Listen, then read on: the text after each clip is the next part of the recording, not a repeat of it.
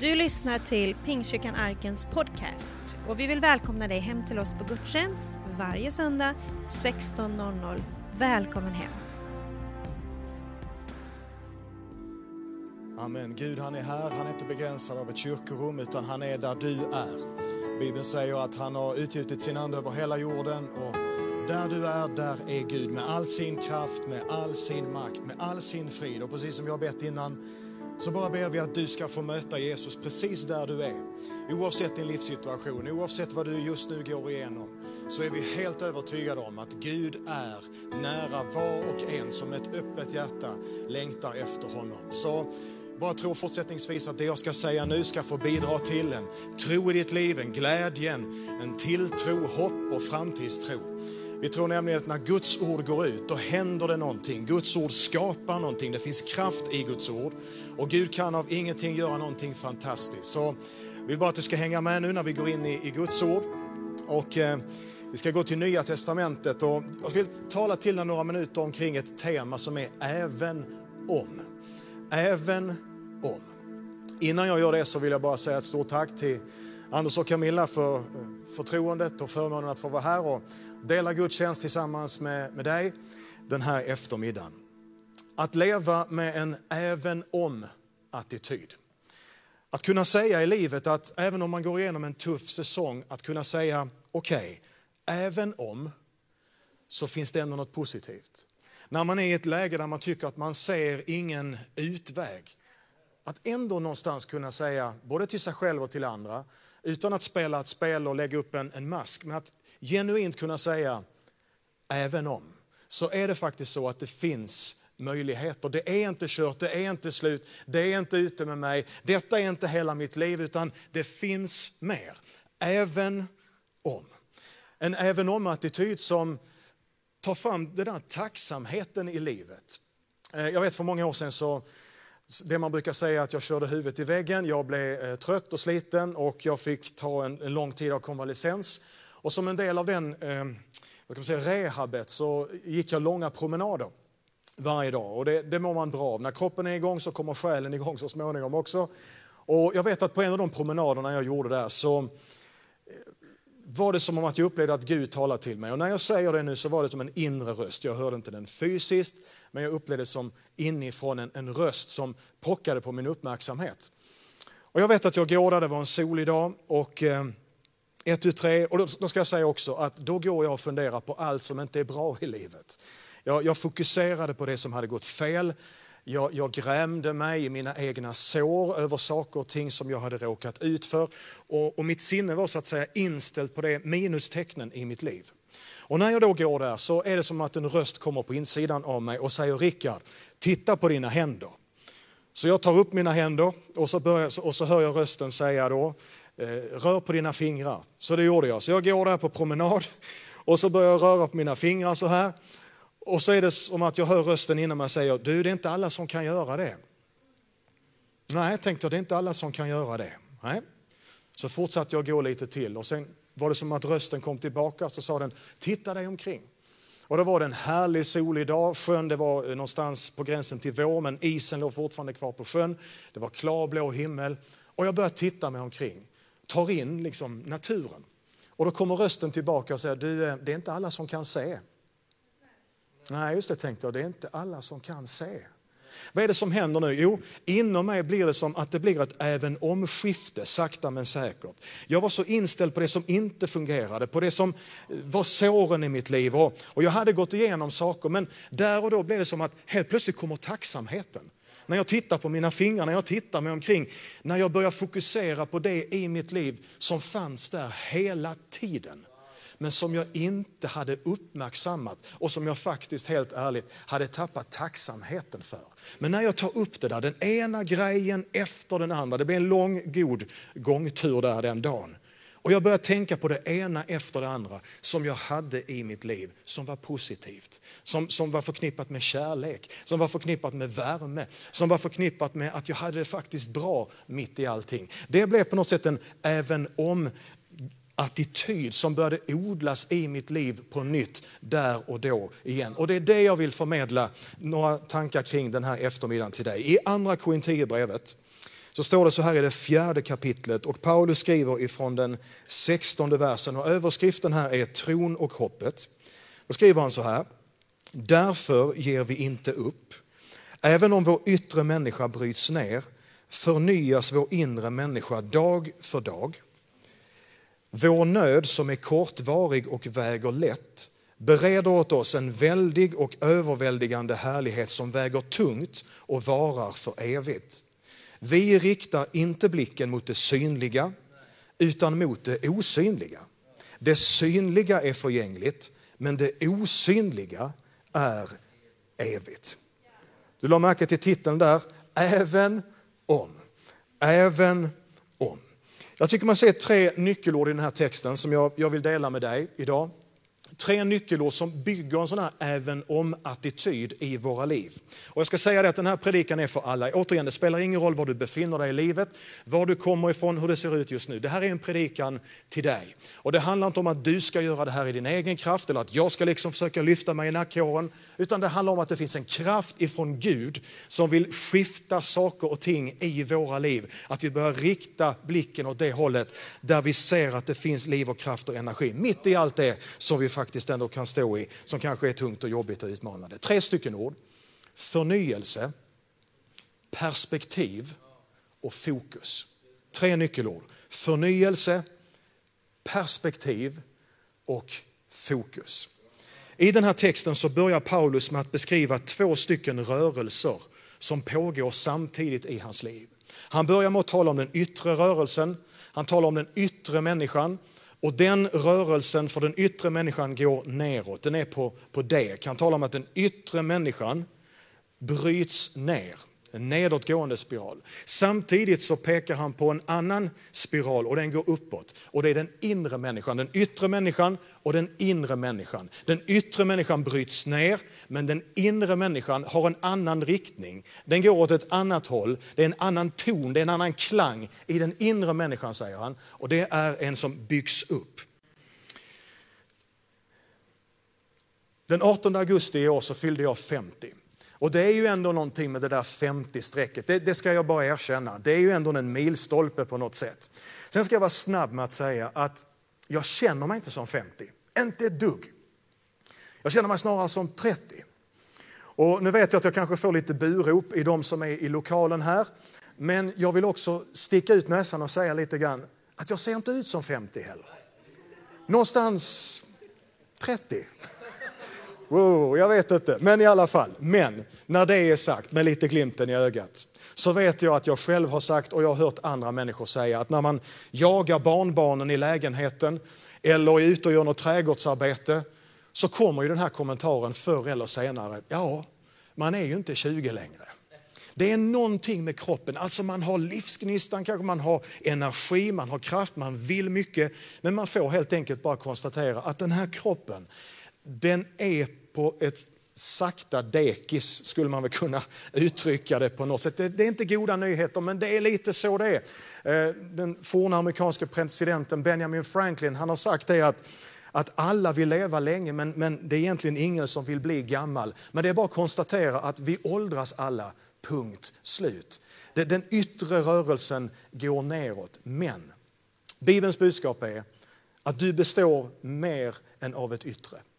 Det finns något annat som kan definiera våra liv. Det är inte enbart det yttre, utan vi är ande, vi är själ och vi är kropp. Det är hela människan. Och Paulus säger att även om det yttre i våra liv, som också kan appliceras på omständigheter i våra liv, där vi kan stå i utmaningar, vi möter återvändsgränder, vi, vi hamnar i de där flaskhalsarna i livet när, när livet suger på. Det är så för oss alla. Men Paulus säger att det kan få leva med en annan rörelse som är en inre rörelse, en inre förnyelse där det inre livet, om det yttre livet skulle kunna kännetecknas som en ödemark, så är det inre livet en vattenrik trädgård. Alltså det finns någonting att jag kan få leva mitt i en pandemi utan att vara världsfrånvänd, utan att ta ett så kallat lyckopiller som skulle kunna definieras som kristen tro, för det är inte det det handlar om. Men att kunna stå mitt i svåra, utmanande, jobbiga tider och att det ändå kan få sjunga på insidan. Det är det Paulus talar om och det är detta som är det kristna budskapet.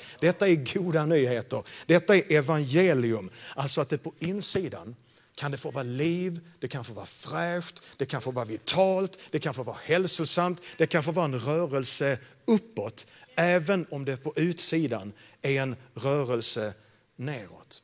Och det här är väl något som vi absolut behöver höra i vår tid. I en tid där så många människor lever med ett inre kaos, men inre värld där man kämpar, där man bär på så otroligt mycket. Skam, skuld, sår. Man, man har en havererad insida. Vårt budskap till dig idag, som inte är vårt i första hand, utan som är Guds budskap till oss genom hans eget ord, det är att Gud vill förändra din inre värld.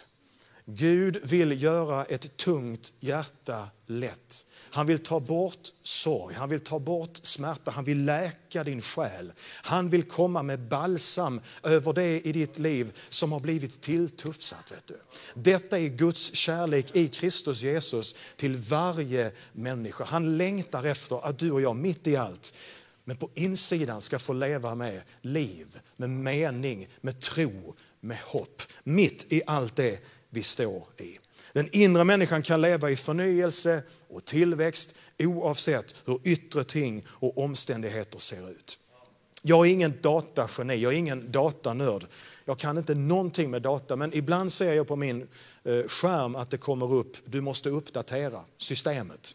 Och då förstår jag att då är det någonting som har börjat gå ner i varv. Det är någonting som inte fungerar optimalt. Och så kommer den där.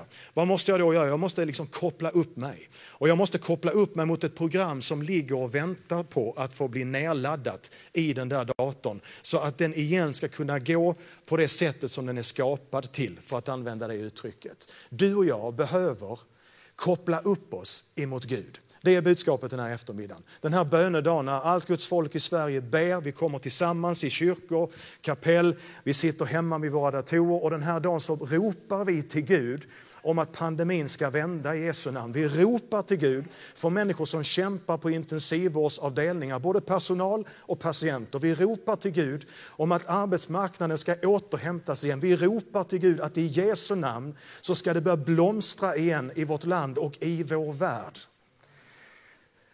förnyelse, uppgradering, uppkoppling emot Gud.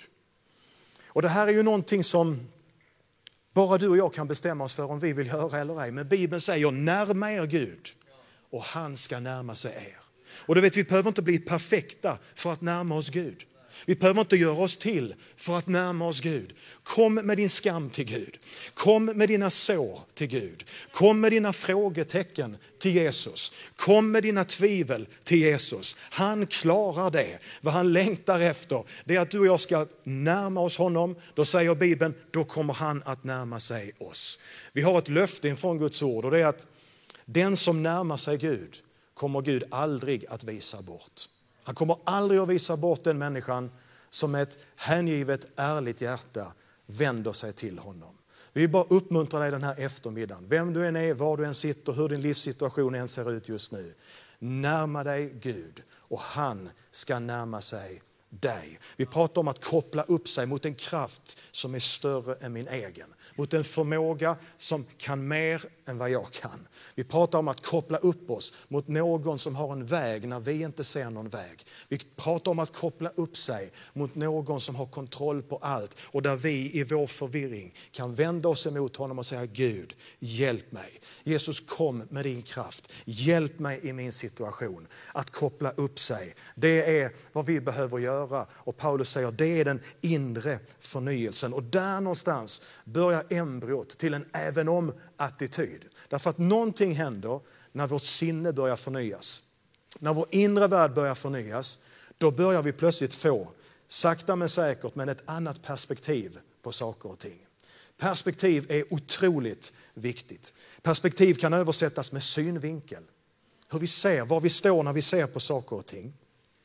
Någon har sagt så här att man kan ju antingen vara förtvivlad och klaga på att en rosenbuske har taggar. Eller så kan man glädja sig över att en taggig buske har rosor. Vi väljer ju att antingen klaga på varför är det taggar på den här rosenbusken? Eller att glädja sig över att på en taggig buske finns det faktiskt rosor. Även om attityd. Paulus sätter ordet på något viktigt när han skriver vår nöd. Paulus han tar upp nöden, han föraktar inte nöden, han flyr inte ifrån nöden, han låtsas inte som att den inte finns, utan han säger vår nöd. Men å andra sidan säger han, men det finns någonting annat och det är en härlighet. Och så sätter han de två mot varandra. Det är som att Paulus väger i den ena handen har han nöden som är, skriver han, eh, kortvarig och lätt. Och i sin andra hand så har han härligheten som är evig och tung. Och så står det och väger i Paulus liv. Vad ska jag luta mig? Mot vad ska jag titta? Och så säger han, när jag tänker på härligheten, när jag tänker på hoppet, när jag tänker på det jag har i Gud och låter det få prägla mitt sätt, hur jag ser på nöden som jag är i just nu, då blir det ett rätt perspektiv. Då får jag hjälp att hantera detta. Jag får hjälp att, att säga, navigera i detta för att perspektivet kommer utifrån. Att jag väljer att låta härligheten väga tyngre än nöden. Du och jag behöver perspektiv i våra liv. Och när du och jag med hjälp av Guds ord, troendes gemenskap, att plugga in i en församling, att vara i relation med andra troende, då får vi hjälp att få ordning på våra perspektiv. För ibland är det ju så att de sakerna som ska vara små i våra liv, de gör vi stora. Och de saker som ska vara stora i våra liv, de gör vi små. Vi liksom blandar perspektiven. Men Paulus talar om att du och jag kan få leva med rätt perspektiv. Och det sista, och jag ska bara skriva, säga det här också, andra Korinthierbrevet 4.8, det här är för bra för att hoppa över. Paulus har sett ord på detta, lyssna på det här. Vi är ständigt trängda, men inte instängda. Vi är rådvilla, han säger som det är, men perspektiv, vi är inte rådlösa. Vi är förföljda, okej, okay, livet är tungt nu, det suger, men vi är inte övergivna. Vi är nerslagna, men vi är inte utslagna. Där ser vi ett bibelord där Paulus sätter de här två emot varandra och så väljer han att se på det som faktiskt är positivt. Han väljer att se på möjligheterna. Han lever med perspektiv. Det sista ordet, fokus. Han är lite finurlig här i sin, i sin beskrivning. Han skriver rikta blicken emot det osynliga. Och det får ju mig att tänka, hur vet jag att jag ser på rätt håll mot det osynliga? Att rikta blicken emot det osynliga. Hur vet jag att det osynliga är på det hållet där jag tittar och inte på det hållet istället? Okej, okay, lite fingervisning får vi i Guds ord. Men det är ju så att vi behöver det där att spänna blicken emot för att återigen ge oss kraft och energi ibland till att hålla ut här och nu. Speciellt i tider som de här. Jag är en av dem som har sagt och jag har hört andra säga att Åh, om fem veckor är det semester. Åh, om fem veckor, då åker vi iväg. Playan, här kommer vi. Och så säger man, och det gör att jag klarar av de här fem veckorna på jobbet. Det är mycket nu, men jag tänker på semestern. Paulus säger, rikta din blick. Rikta din blick, sätt din blick längre fram. Låt din blick, Hebreerbrevet, se på Jesus. I en pandemi, se på Jesus. I en arbetslöshetssituation, se på Jesus.